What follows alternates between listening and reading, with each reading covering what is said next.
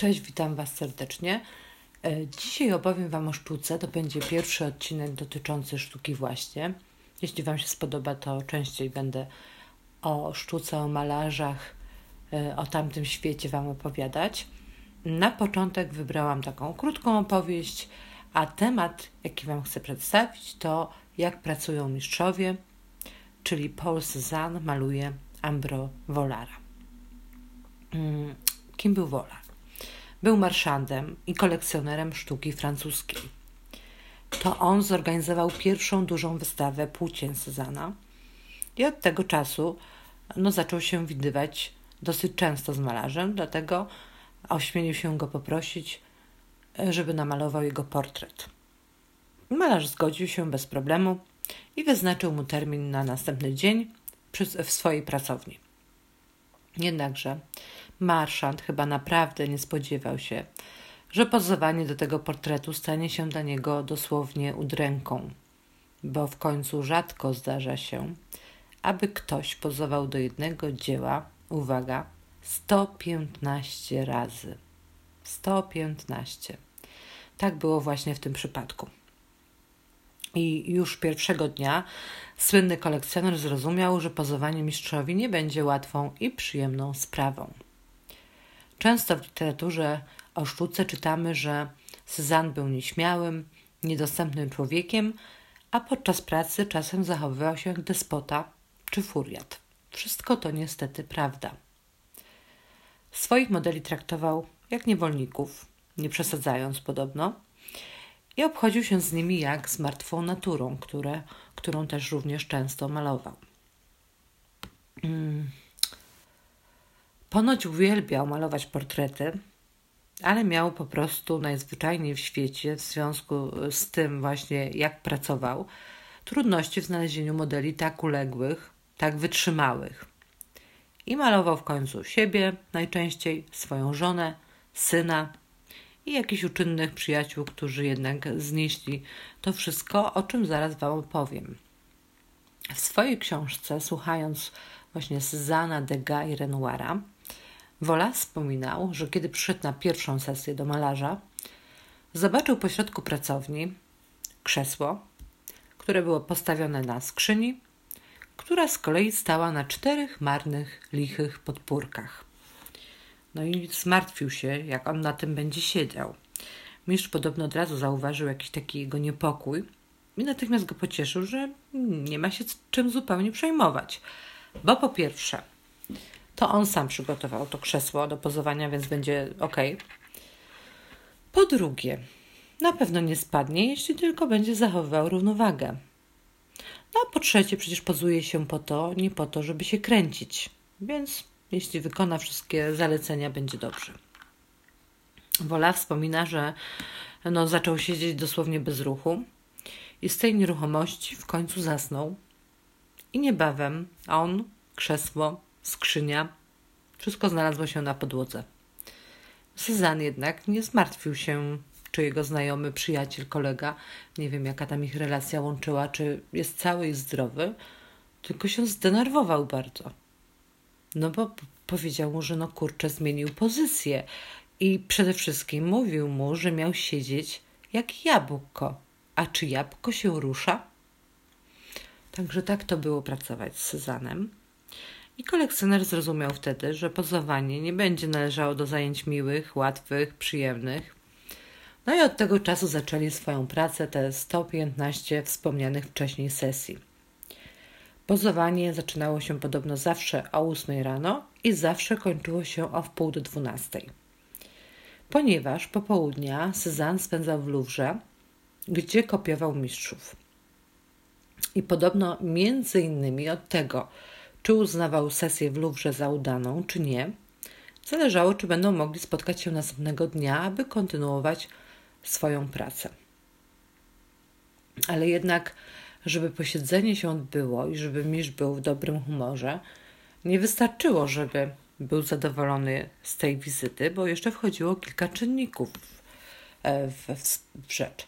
A oprócz tego musiało być zawsze jasno-szare niebo, Pies sąsiadów nie powinien szczekać, a winda w sąsiedztwie nie powinna jeździć, bo ponoć nie znosił jej dźwięków. Wola mówi, opowiada, pisze w swojej książce, że na szczęście winda psuła się bardzo często, więc ten, ten punkt zwykle był zapewniony. Hmm.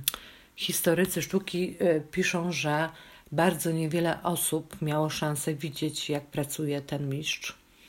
Nie cierpiał, żeby ktoś na niego patrzył, gdy stał przy sztalugach, e, a ten, kto tego nie widział, no nie wyobraża sobie, do jakiego stopnia praca przychodziła mu niekiedy podobno bardzo powoli i z wielkim trudem. I też Wola w swojej książce pisze o jednym takim przypadku, że e, na tym swoim portrecie dostrzegł pewnego dnia, że na dłoni są dwa małe punkty nieprzykryte farbą. No, zwrócił od razu uwagę Sezanowi, że może należałoby e, no, te fragmenciki, dwa małe, przykryć tą farbą. Malarz mu odpowiedział w ten sposób, że jeżeli robota w Luwrze e, następnego dnia pójdzie mu dobrze, to może znajdzie właściwy ton, żeby wypełnić te białe miejsca. Jeżeli nie, jeżeli by położył byle jaki kolor teraz, mimo złego nastroju, to musiałby robić cały obraz od nowa, poczynając od tych dwóch małych białych punktów. Wola podobno się załamał, bo stwierdził, że już wtedy właśnie miał ze sobą ponad 100 sesji, tego zadrżał na samą myśl, co by było, gdyby od nowa od tych dwóch małych punkcików i znów to samo. E, Cezanne malował pędzlami podobno bardzo mięciutkimi, które przypominały włosie kuny czy tchórza. Po każdym jednym pociągnięciu mył je w misce z terpentyną. To, to już ile czasu zajmowało, prawda? A dodatkowo używał wszystkich, dosłownie wszystkich, jakie pędzle miał, wszystkie podczas jednej sesji były użyte. Ponoć nigdy nie zdarzało się, aby któregoś z nich, któryś z nich pominął czy nie użył go przy jednej sesji, nie przy całym portrecie na przykład. I też taka ciekawostka, że podobno jak malował, to tak się brudził, że kiedy kończyła się ta jedna sesja, to naprawdę był, trudno było rozpoznać, e, że to jest on. Tak potrafił się upaprać. Mm, a sposób, w jaki malował, tłumaczy nam trwałość jego obrazów. Ponieważ kładł farby bardzo, bardzo cienko, jakby to na przykład była akwarela, i każda warstwa dzięki temu schła praktycznie natychmiast. I nie było obawy, że powierzchnia obrazu spęka, na przykład jeżeli później nałoży kolejną warstwę, a obraz by był, e, ta pierwsza warstwa by nie wyschła. Więc dlatego one są tak dobrze trwałe, bo te cieniutkie e, warstwy do tego doprowadzały. Cezanne nie pozwalał swoim modelom na mówienie podczas seansów. Z ich strony podobno miała być absolutna, absolutna cisza ale też Wola wspomina, że chciał rozmawiać, często to czynił, ale tylko wtedy, kiedy pozujący przygotowywali się do sesji, czyli przed, e, e, przed pracą, albo w trakcie krótkich chwil odpoczynku, jeśli w ogóle taki udzielił Cezanne swoim e, modelom. Podobno był też bardzo drażliwy i często dosłownie w furię wpadał podczas pracy. Jego ofiarami niestety stawały się, cóż, namalowane wcześniej przez niego obrazy, więc no, ile, ileż tych obrazów mogło na przykład nie przetrwać na skutek tej złości i ile, no niestety nie możemy ilu zobaczyć, do naszych czasów nie przetrwały. Wiele tych dzieł podobno zniszczył nożem malarskim, pociął czy wyrzucił przez okno na przykład. Najróżniejsze podobno przygody e, się zdarzały.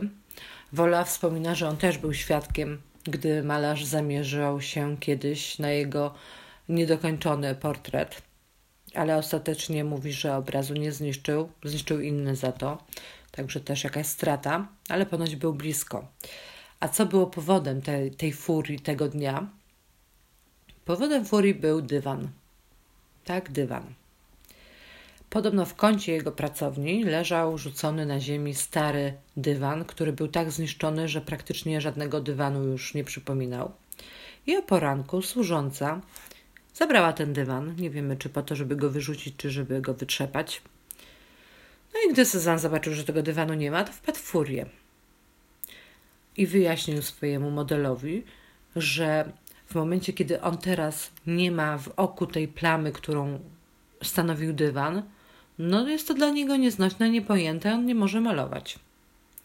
Także jak widać był wymagający, bywał nieznośny, no i łatwo wpadał w furię. Ale cóż, no cóż, tak właśnie miewają geniusze. To ich przywilej, prawda? Ale też jeszcze na koniec y, Wam powiem, że no, malowanie przez Cezana to nie tylko była ta, te jakieś wymagania, ta, ta furia, ta złość, bo też Wola w swojej książce porusza drugą stronę jego malowania. E, ponoć niesamowicie się patrzyło na mistrza, kiedy był w dobrym humorze, kiedy mu ta robota szła. I tu Wam na koniec przeczytam cytat, jak e, Wola to zapamiętał. Jak wytężał wszystkie władze, by osiągnąć dokładność formy – jak szukał linii z tą samą skrupulatnością, z jaką dawni czeladnicy przykładali się do wykonywania arcydzieła, które miało im dać tytuł majstra. I, jeżeli był rad z, rad z roboty, co zdarzało się bardzo rzadko, jak cieszył się niby uczniak, kiedy, który dostawał dobry stopień. Tak też pracował Cezanne. Miejmy nadzieję, że przede wszystkim tak.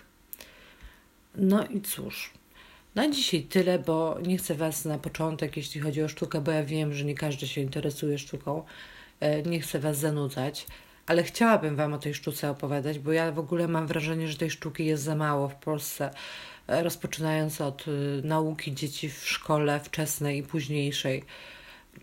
No to nie jest dla mnie sposób uczenia, który powinien być, jeśli chodzi o sztuki, bo cóż, oni trochę poczytają w książkach, potem, nie wiem, raz na trzy lata pójdą do jakiegoś muzeum, zobaczą jakieś obrazy, znudzą się i wyjdą po prostu, a to nie o to chodzi, bo mi się wydaje, że one jak najczęściej powinny obcować z tą sztukę, powinny uczyć się rozumienia jej, odczuwania, ale też, w, nie wiem, w, w mass mediach też tego jest za mało tak mi się wydaje, bo to jest tylko takie dla, dla wybranych, a tak absolutnie nie powinno być.